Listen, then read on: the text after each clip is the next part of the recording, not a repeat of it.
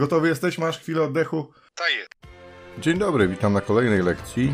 Dziś rozmowa z ratownikiem medycznym, czyli z osobą, która pewnie zamieniłaby się z nami i została trochę w domu, ale z racji wykonywanego zawodu może wychodzić, to jednak to wychodzenie jest skrajnie niebezpiecznej czynności, które wykonuje na co dzień i zawodowo zagrażają jego życiu. Zapraszam do wysłuchania rozmowy. Tomek, fajnie, że zgodziłeś się na to, żeby wziąć udział w kolejnej nietyp- nietypowej lekcji EDB o temacie ratownictwa medycznego. Od, od ilu lat jesteś ratownikiem medycznym? No słuchaj, już jakieś 23 lata stuknęło. 23 lata, to mógłbym zadać drugie pytanie, z kim siedziałeś w ławce i na kim się uczyłeś zastrzyki robić? No, żeśmy se dawali zastrzyki, tak. Tak, i ta sama świadomość, że robi to ktoś, kto robi to pierwszy raz w życiu i nie ma o tym zielonego pojęcia. No, to było najlepsze właśnie. Czy się igła nie skrzywi, czy nie zostanie. Czy się w żyłę trafi, jakby to nie zabrzmiało? Tak. Okej, to- Tomek, poprosiłem Cię o rozmowę w związku z sytuacją, która się teraz dzieje. Powiedz mi, Ty jako ratownik medyczny, jako czynny ratownik medyczny pracujący w pogotowiu, czy zmieniły się mocno procedury, które obowiązują Was, jeżeli jedziecie do zlecenia, jeżeli jedziecie do wezwania do pacjenta? No, generalnie tak. Praktycznie każdego traktujemy jako podejrzanego, podejrzenie o zachorowanie na koronawirusa, nie? Ale to jest tak, że do każdego się ubieracie, czy po prostu jak gdyby siłą jest zebranie wywiadu i, i jak gdyby to jest podstawowa informacja, czy osoba jest w kwarantannie i czy miała kontakt z kimś, kto jest w kwarantannie? Tak, tak, wywiad jest kluczowy, aczkolwiek nie zawsze prawdziwy, bo ludzie potrafią zataić niektóre rzeczy i niektóre rzeczy wychodzą dopiero w trakcie naszej wizyty. Także nie od razu ubieramy się w te kombinezony za każdym razem. Jeżeli jest sytuacja pewna, czyli ktoś jest w kwarantannie albo ma gorączkę, czyli te objawy, które mogą sugerować chorobę, to wtedy się ubieramy w kombinezony.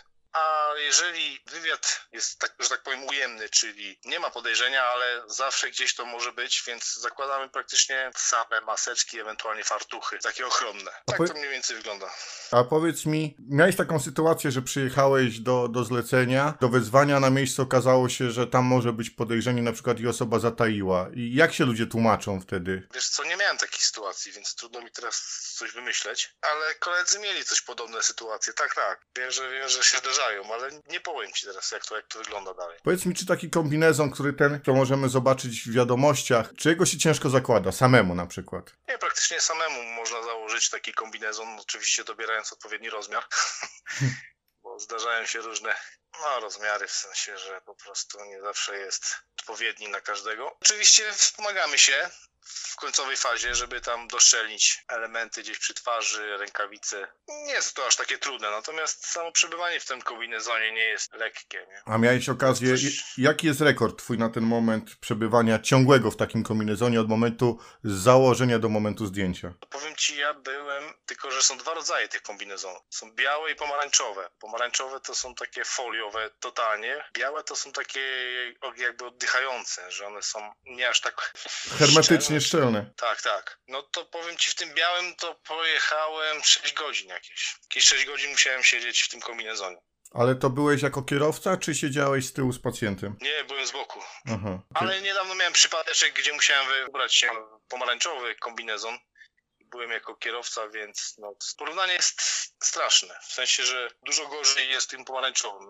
Szeleści strasznie, jest bardziej szczelny. Może jest bezpieczniejszy, bo to jest taki jakby grubszy materiał, z którego jest wykonany. Ale jest niebezpiecznie jechać w takim kombinezonie i uczestniczyć w ruchu drogowym, prawda? Bo to wiesz, sygnały, gdzieś tam coś może zaparować za szybko. A pole widzenia też się ogranicza, jeżeli zakładacie te gogle, czy to jak gdyby... Tak, tak, pole też? widzenia się ogranicza, bo te kaptury, co są, to one czasami są tak sztywne, że po prostu jak głowę obracasz, to kaptur zostaje i trzeba, trzeba naprawdę się nagimnastykować, żeby gdzieś tam sobie pozaglądać dobrze, żeby było bezpiecznie. Czy jest jakaś możliwość na przykład, że po tych 6 godzinach, jeżeli zdjąłeś, no to rozumiem, że pewnie z butów można było wodę wylewać, ale jest jakaś możliwość, żeby gdzieś na miejscu się wykąpać, czy po prostu wracacie tak do, do, do, do stacji pogotowia i... Nie, nie, nie, musimy być w tym kombinezonie do końca, wracamy na bazę, tam się dezynfekujemy. Czyli wy zostawiacie pacjenta, nie zdejmujecie, ko- tylko też tą Nie. karetką wracacie w kombinezonie do... do... Tak, tak, Aha, czyli to nie jest jak gdyby droga w jedną stronę, tylko tam i z powrotem musicie przebyć w tym kombinezonie. Tak, Powiedz mi, czy zdejmowanie jest takim kluczowym elementem tego, tego kombinezonu, czy, czy to jest rzeczywiście, tak jak wyczytałem z informacji, że ono jest jak gdyby najbardziej niebezpieczne, bo, bo jest ta możliwość tego odprężenia, że teoretycznie jest po wszystkim, ale generalnie na nim jest ten materiał biologiczny potencjalnie skażony, albo na pewno skażony, jeżeli wierzy się pacjenta z wynikiem pozytywnym na wirusa. Tak, tak, jest to niebezpieczne bardzo, więc trzeba uważać przy zdejmowaniu i zachować wszelkie tam zasady, jak, jak to się powinno ściągać, po prostu taki kombinezon. Powiedz mi, jak reagują pacjenci, jak wchodzicie w takich, no prawie że kosmicznych strojach do nich? No różnie, ale przeważnie się boją. Że to wygląda, no, jak tak wracaliśmy ostatnio wieczorem, to tak na biało ubrani, to powiem ci tak jak dwa takie duszki za kółkiem, to tak wyglądało, nie? Jak są, jak jest ta bajka duch, to takie duchy, co, co latają, to my tak właśnie wyglądaliśmy.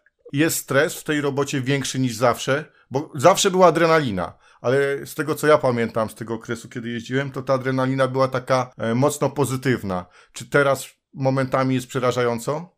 Tak, można, można tak powiedzieć, tak. Generalnie no, ludzie boją się o własne zdrowie nie? i zarażenie swoich rodzin. Potencjalnie każdy może być nosicielem i można się zrazić od nawet nie wiesz kiedy. Nie? To, to, Czyli przyjmujemy założenie, że to my możemy kogoś zarazić, jest bardziej prawdopodobne niż my się zarazimy od kogoś. Tak jest w tej teorii bezpieczniej. no raczej tak. Tak, tak, tak bym to powiedział.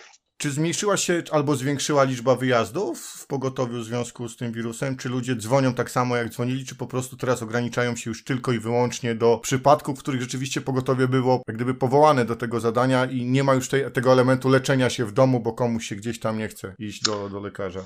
Wiesz co, mam wrażenie, że jest troszkę mniej wyjazdów. Czyli pomimo niedziałających przychodni, czyli POZ-ów, no jakoś też nam się wydaje, że mniej jeździmy. Oby się tak to utrzymało, żeby te wyjazdy były wszystkie bezpieczne. Co, no ja ci życzę, żeby, żeby nie kłamać medyka, tak? To będzie też taki apel i taki temat tej lekcji, żeby zostawić hashtag z napisem nie kłam medyka, że to jest, że to jest bardzo To jest ważne. sprawa właśnie, żeby już przy wywiadzie po, po, po prostu odpowiedzieć dyspozytorowi na wszystkie jego pytania i, i nie kłamać, nie? Bo to nie jest też tak, że wy nie przyjedziecie po prostu, albo że się nie przyjmie zlecenia, albo że się będziecie bali przyjechać do tej osoby. Pogotowie i tak i tak przyjedzie, tylko przyjedziecie odpowiednio zabezpieczeni. Dokładnie, tak, tak. No dziękuję bardzo za rozmowę. Cieszę się, że mogłem z proszę tobą porozmawiać. I co, życzę jak najmniej wyjazdów, żeby to się wszystko szybko skończyło. No fajnie, dzięki również. Na dziś to wszystko. Dziękuję, że dotrwaliście do końca. Zadanie domowe w opisie pod filmem zostawcie hashtag. Trzymajcie się ciepło i do następnego razu. A, i ponieważ stałem się już prawie że youtuberem, jeżeli film się podobał, zostawcie łapkę w górę, a jeżeli chcecie być na bieżąco, subskrybujcie ten kanał. Nie będziecie musieli sprawdzać na e-dzienniku, czy wysłałem kolejną informację, że pojawiła się lekcja. Do usłyszenia. Cześć.